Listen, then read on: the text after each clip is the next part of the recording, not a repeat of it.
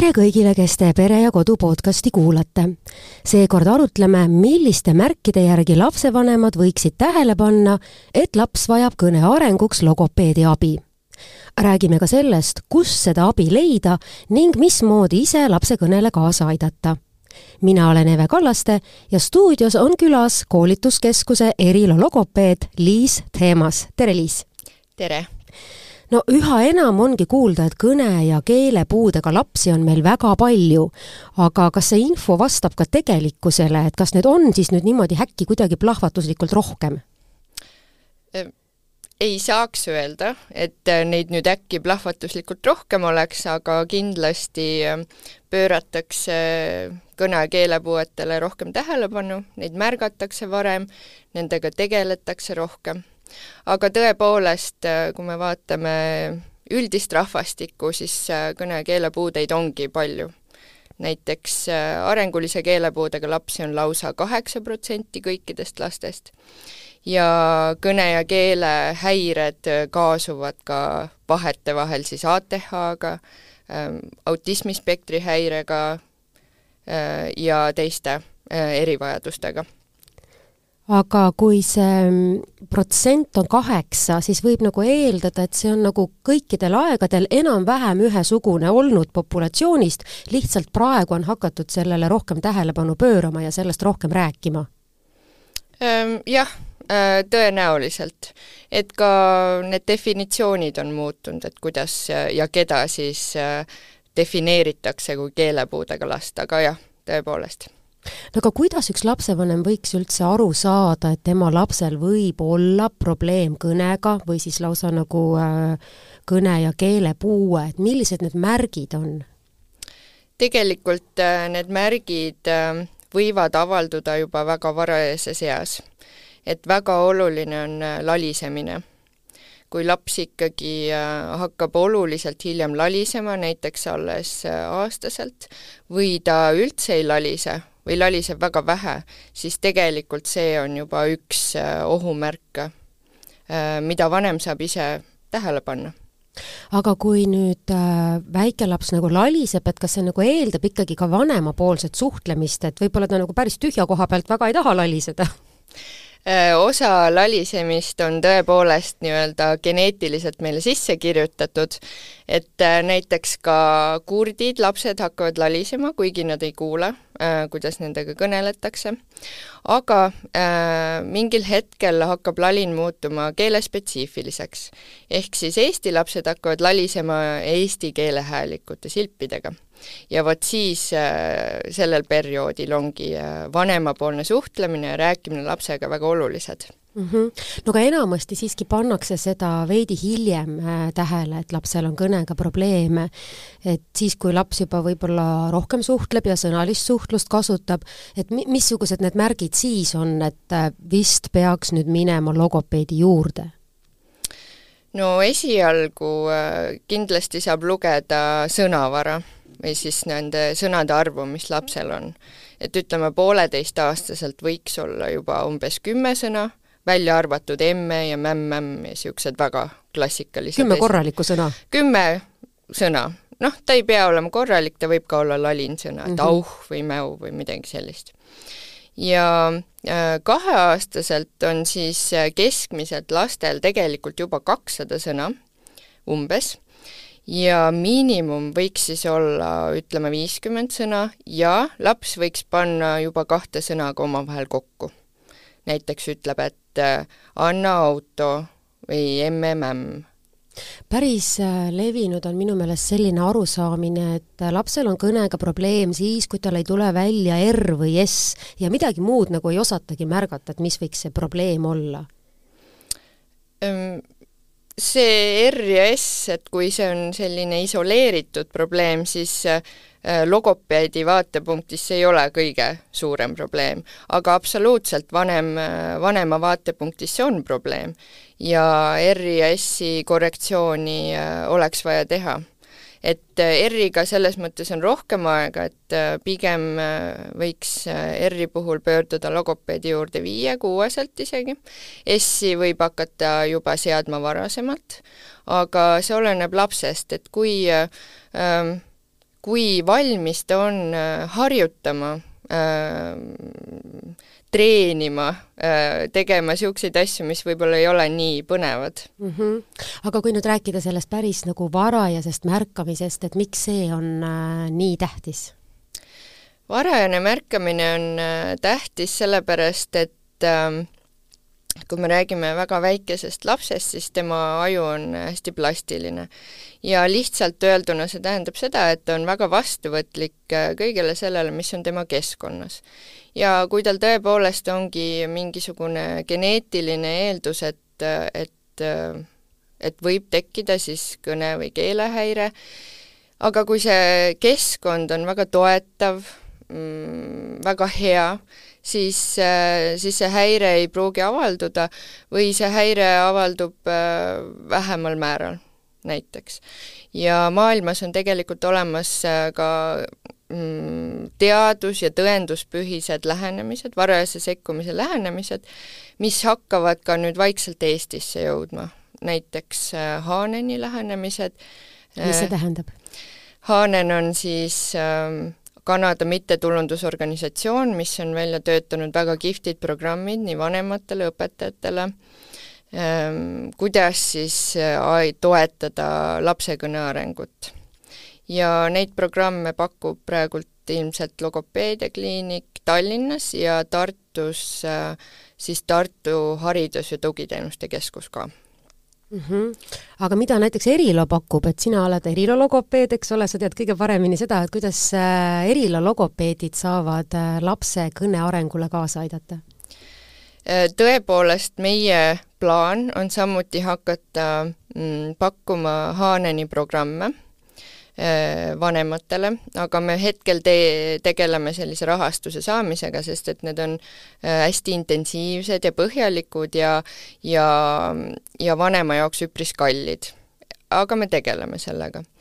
aga mina isiklikult olen äh, hästi palju koolitanud lasteaiaõpetajaid, koolitanud siis, andnud neile praktilisi võtteid, kuidas igapäevaselt laste kõnearengut toetada ja praegult Erilool on samuti tulnud välja mm, koolitus varajase kõnearengu müüdid, äh, kus ma siis räägin äh, vanematele mm, mõnedest äh, valearusaamadest ähm, seoses kõne arenguga ja nii-öelda lükkan need arusaamad ümber ja asendan siis korrektsete arusaamadega no mind praegu juba väga huvitab, et äh, millised need kõne arengut puudutavad äh, kõige levinumad müüdid on, mis äh, võivad tõepoolest äkki olla hoopiski nagu lapse arengule pigem kahjulikud?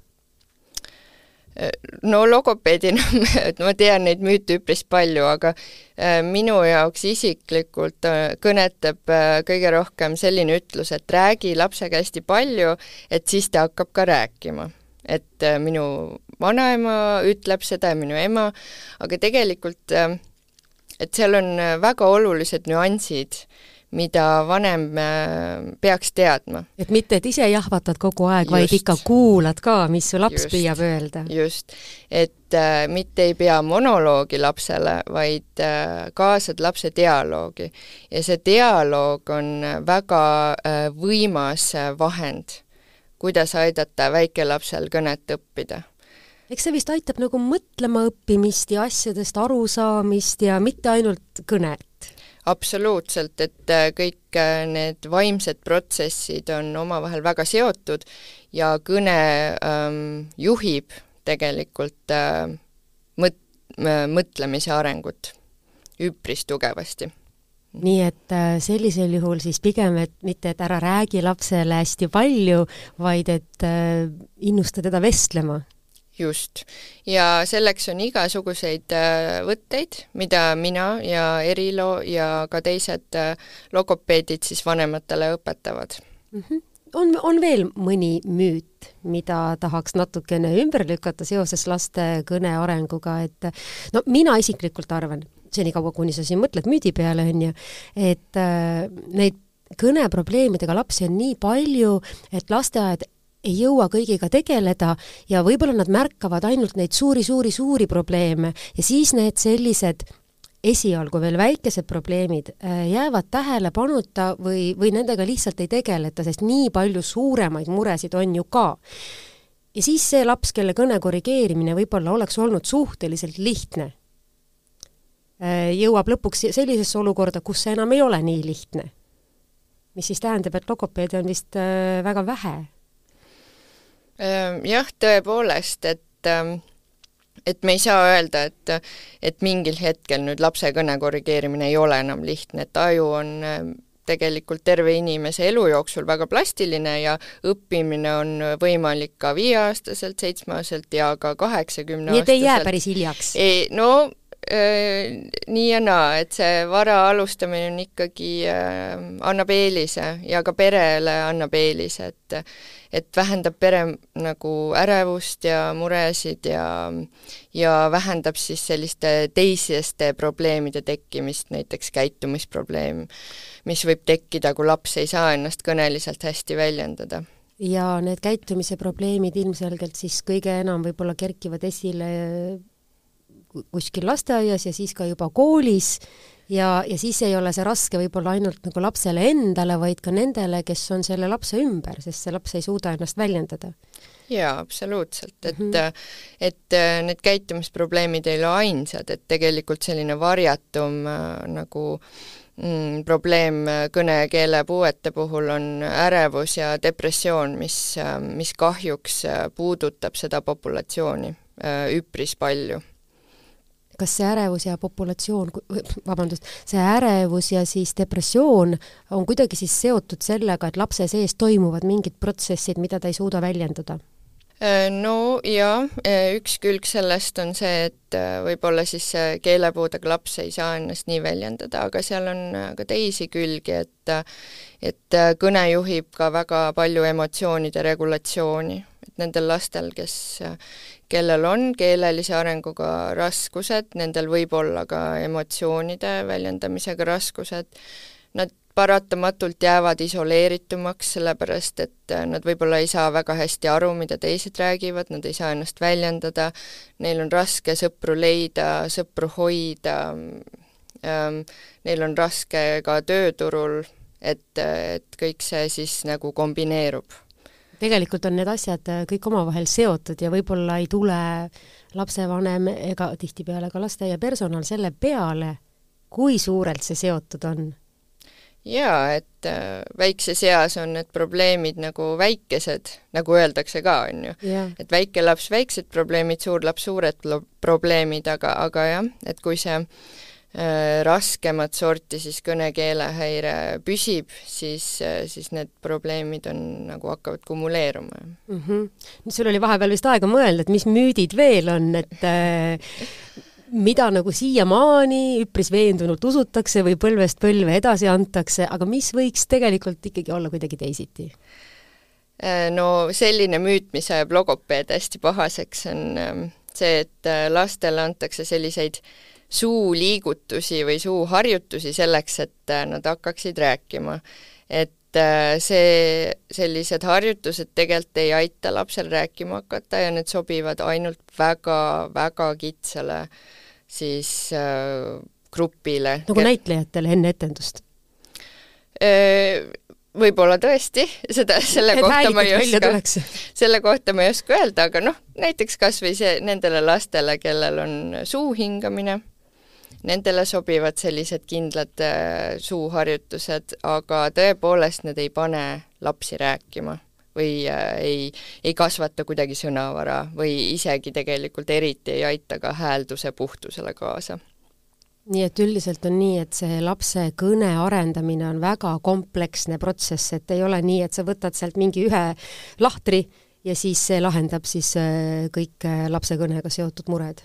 Jaa, just, et et, noh, lihtne on mõelda, et kui laps ei räägi, siis probleem on suus, aga tegelikult enamasti on siiski probleemid äh, nagu aju tasandil ja aju arengus ja kõiges selles, et siis tuleb natukene komplekssemalt äh, tõepoolest läheneda mm. -hmm. seda, seda kuulates tõesti tundub, et see R ja S ei ole nüüd nii, nii suured probleemid ja, ja need on ikkagi, isegi kui jäävad lahendamata, ei, ei pruugi see elu väga segada, aga on asju, mis arengu puhul on äh, suurema tähtsusega võib-olla? jaa, absoluutselt, et äh, just see sõnavara ja see grammatika ja see, et me oskame jutustada, et äh, nagu praegult ka siin, me suhtleme omavahel tegelikult väikeste juttudega, on ju, aga kui lapsel on probleem sõnavara, grammatika, lauseloomega, siis ta ei suuda seda väikest juttu kokku panna võib-olla nii hästi, nii selgelt, kui ta tahaks. ja, ja kui me mõtleme nende väikeste juttude peale, siis me kasutame neid kogu aeg koolis, tunnis, suhtlemisel, ma ei tea, pangas, see on, need väiksed jutukesed on nii suur eluosa, et, et see on äh, et äh, just see keeleline külg on äh, minu jaoks äh, väga oluline ja mina arvan, et seda just peaks rohkem arendama või sellele rohkem tähelepanu pöörama mm. -hmm.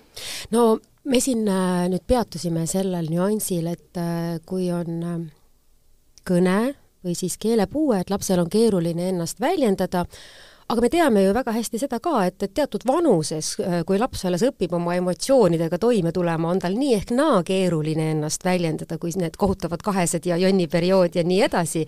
et äh, kuidas siis nagu vahet teha, et äh, milles siis nagu asi on, et kas mu lapsel on keele- või kõnepuue või ta lihtsalt natuke jaurab ja ta on jonnakas ja ta ei suuda nagu öelda, et ma olen vihane või ma olen pahane või et see Juhan sealt kõrvalt rühmast lõi mind ja mul on nüüd halb olla, eks ole see on äh, selles mõttes keeruline küsimus, et ma ei, ma ei saa nüüd öelda mingit vanust, kus äh, väga hästi saaks seda eristada. aga kui me mõtleme näiteks selle kohutava kahese peale, siis ähm, tegelikult need kohutavad kahesed on juba andekad, kui me mõtleme.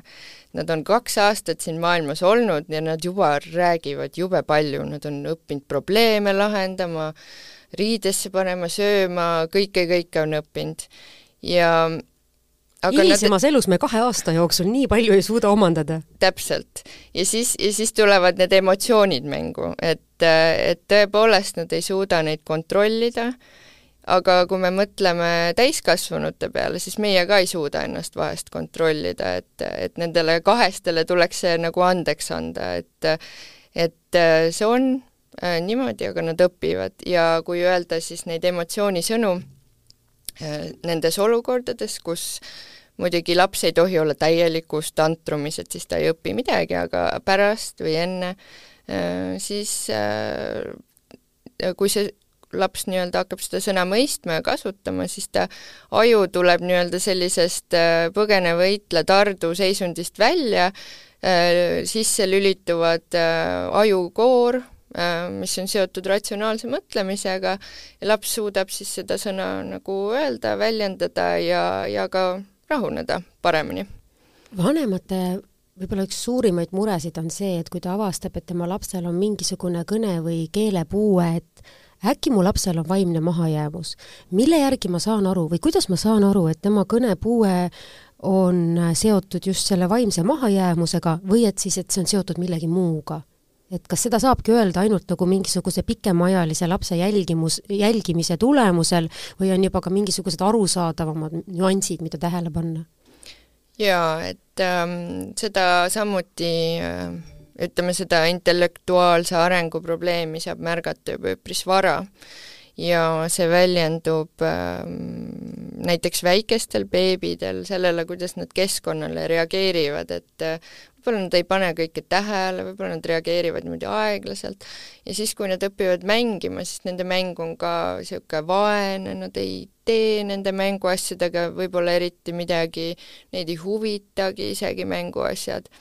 et äh, et jah, neid märke on võimalik tõepoolest ka üpris vara märgata mm. -hmm ja mis siis edasi saab, et minule on jäänud selline mulje, ma, ma tahaksin, et see oleks ekslik, aga ma ei ole selles sugugi kindel, mulle on jäänud selline mulje, et lastevanematel on üpris keeruline oma last logopeedi juurde saada, äh, juba ka mitmel põhjusel. esiteks, logopeede on vähe ja teiseks, kui on ka lasteaia logopeedid, siis seal on see järjekord ikka päris korralik et ja. kuidas, kuidas sulle kui logopeedile tundub, et mismoodi seda olukorda võiks lahendada nagu üleüldse ja ka siis nagu vanema jaoks?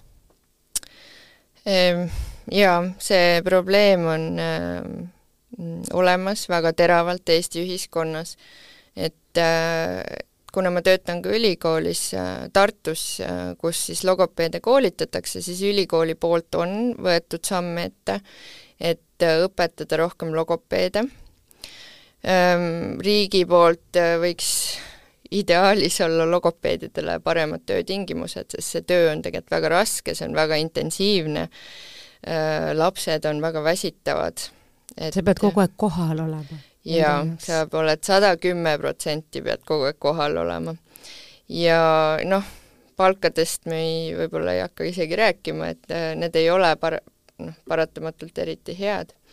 ja, ja siinkohal siis äh, tegelikult äh, päris palju jääb vanema kanda.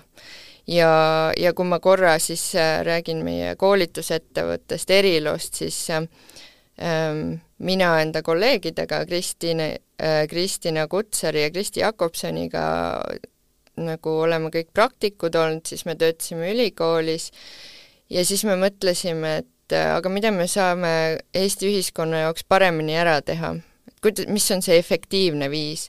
ja siis me mõtlesimegi, et äh, võib-olla kõige efektiivsem ongi just nende vanemate ja õpetajate õpetamine, sest neid on ju rohkem kui logopeede et vanemad oskaksid ise midagi teha ja nad oskaksid ka nõuda seda, mida neil vaja on. täpselt, just, et vanem äh, julgeks küsida teist arvamust, kui tema süda ikka ütleb midagi muud, et kui näiteks äh, mingi spetsialist ütleb, et ei, ootame, vaatame, teie lapsega on kõik hästi, aga vanem ikkagi tunneb, et, äh, et ei ole kõik hästi, et ta julgeks öelda, võtta teine arvamus, julgeks nõuda seda, mida tegelikult riik peaks talle pakkuma ja, ja samamoodi, et, et vanem ei, et kui ta võib-olla ei jõua selle spetsialistini kohe kiiresti, et ta ei oleks päris nii-öelda relvitu, tal oleks mingisugused teadmised, mingisugused võtted, et kuidas siis äh, alustada enda lapse aitamist mm. -hmm, just.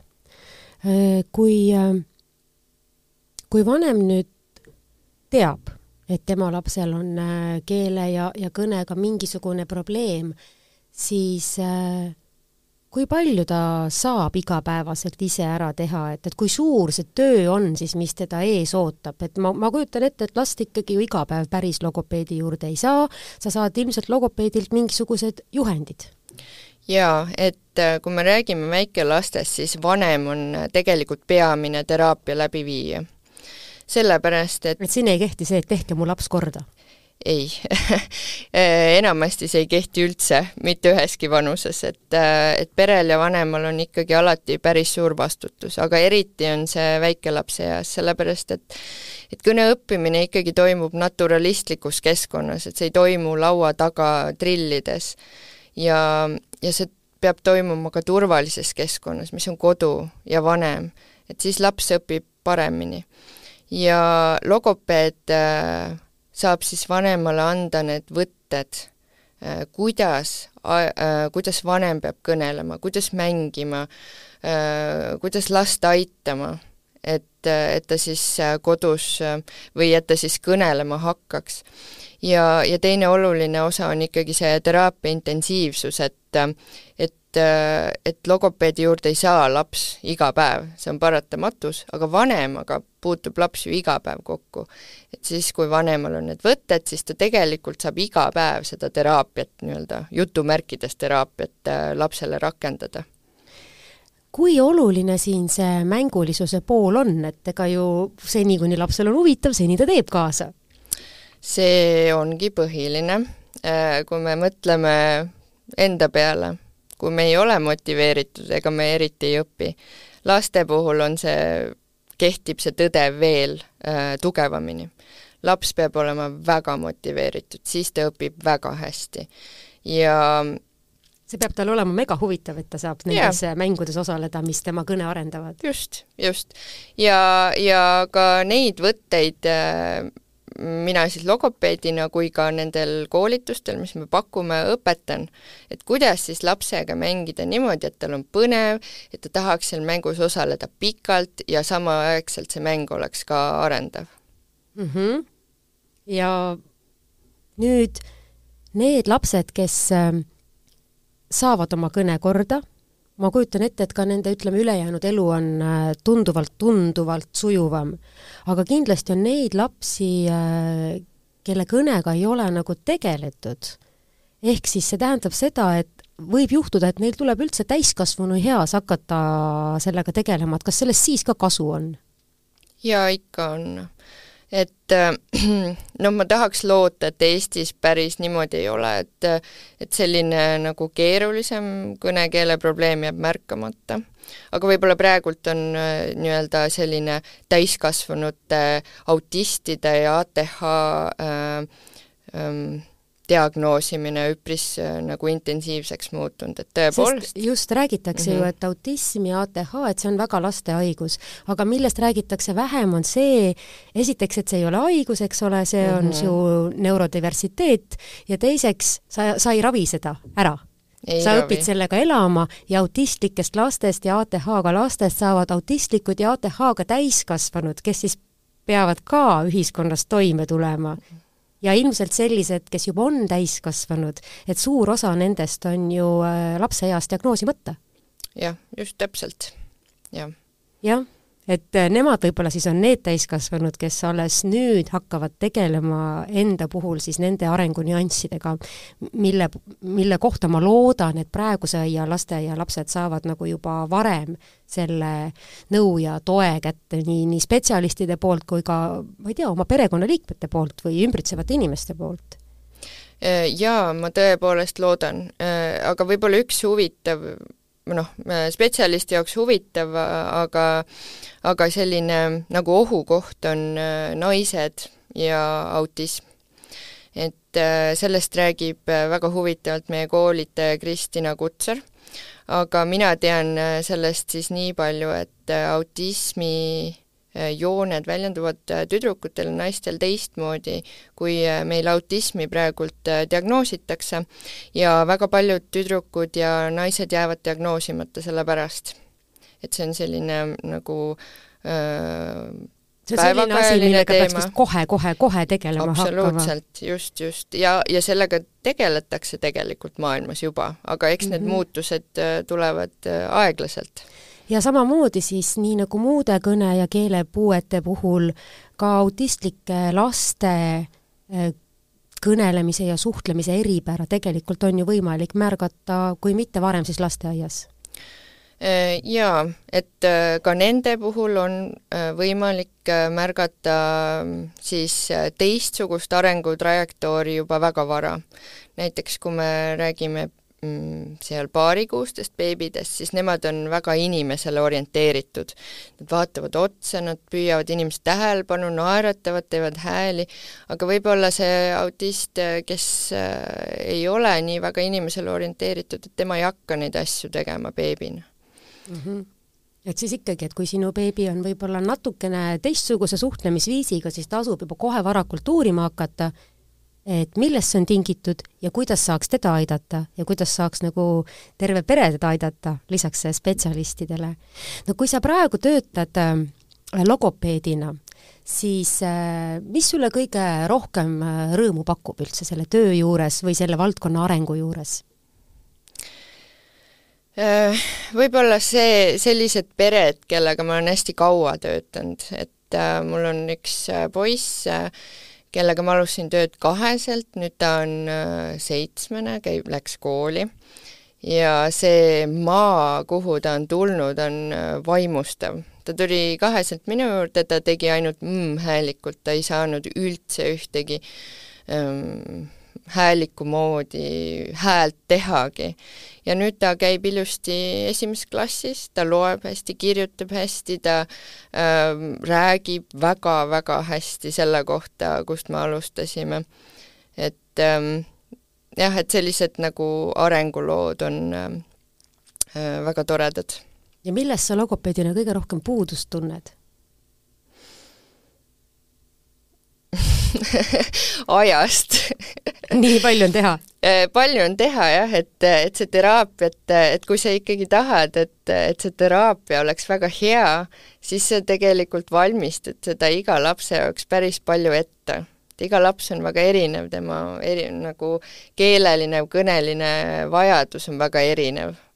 et ähm, et äh, kui ma peaks seitse teraapiat päevas tegema, siis ma valmistun nendeks võib-olla kaks tundi, kolm tundi, kui ma olen väga põhjalik, et, et see on nagu pikk aeg mm. -hmm. et sellepärast sa oled siis valinud ka niisuguse tee, et kuna sa ise ei jõua kõikide abivajajatega alati tegeleda, et siis sa koolitad neid, kes võiksid siis seda lisaks sinule teha, ehk siis äh, teisi logopeede, lasteaia personali.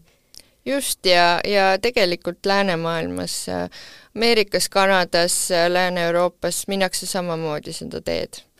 et äh, isegi kui laps on täiesti tavalise arenguga, kui neid võtteid kasutada, kui vanemad neid võtteid kasutaks ja õpetajad samamoodi, et, et ka sel täiesti tavalisele lapsele äh, mõjuvad need mõt-, võtted väga hästi, et tema kõnearengule arengule üldse ka, ma kujutan ja. ette, et ka tema, ilmselt tema vaimne areng on parem, sest et kes ei oleks õnnelikum, kui ta saab aru sellest ja oskab nime panna sellele, mis tema sees toimub, mis tunded tal on, ta saab aru, kuidas ta millelegi reageerib ja veel parem oskab selle sõnadesse panna, et see on oskus, mida suur osa täiskasvanuidki veel ikka jätkuvalt õpib jaa, ja et, et seda ma näen nüüd enda lapse pealt, kes on see kohutav kahene mm. -hmm. ja tema kõige vihatum tegevus on riidesse panemine ja siis äh, tihti ta muutub selliseks makaroniks ja siis ta on enamus ajast põrandal ja vehib seal.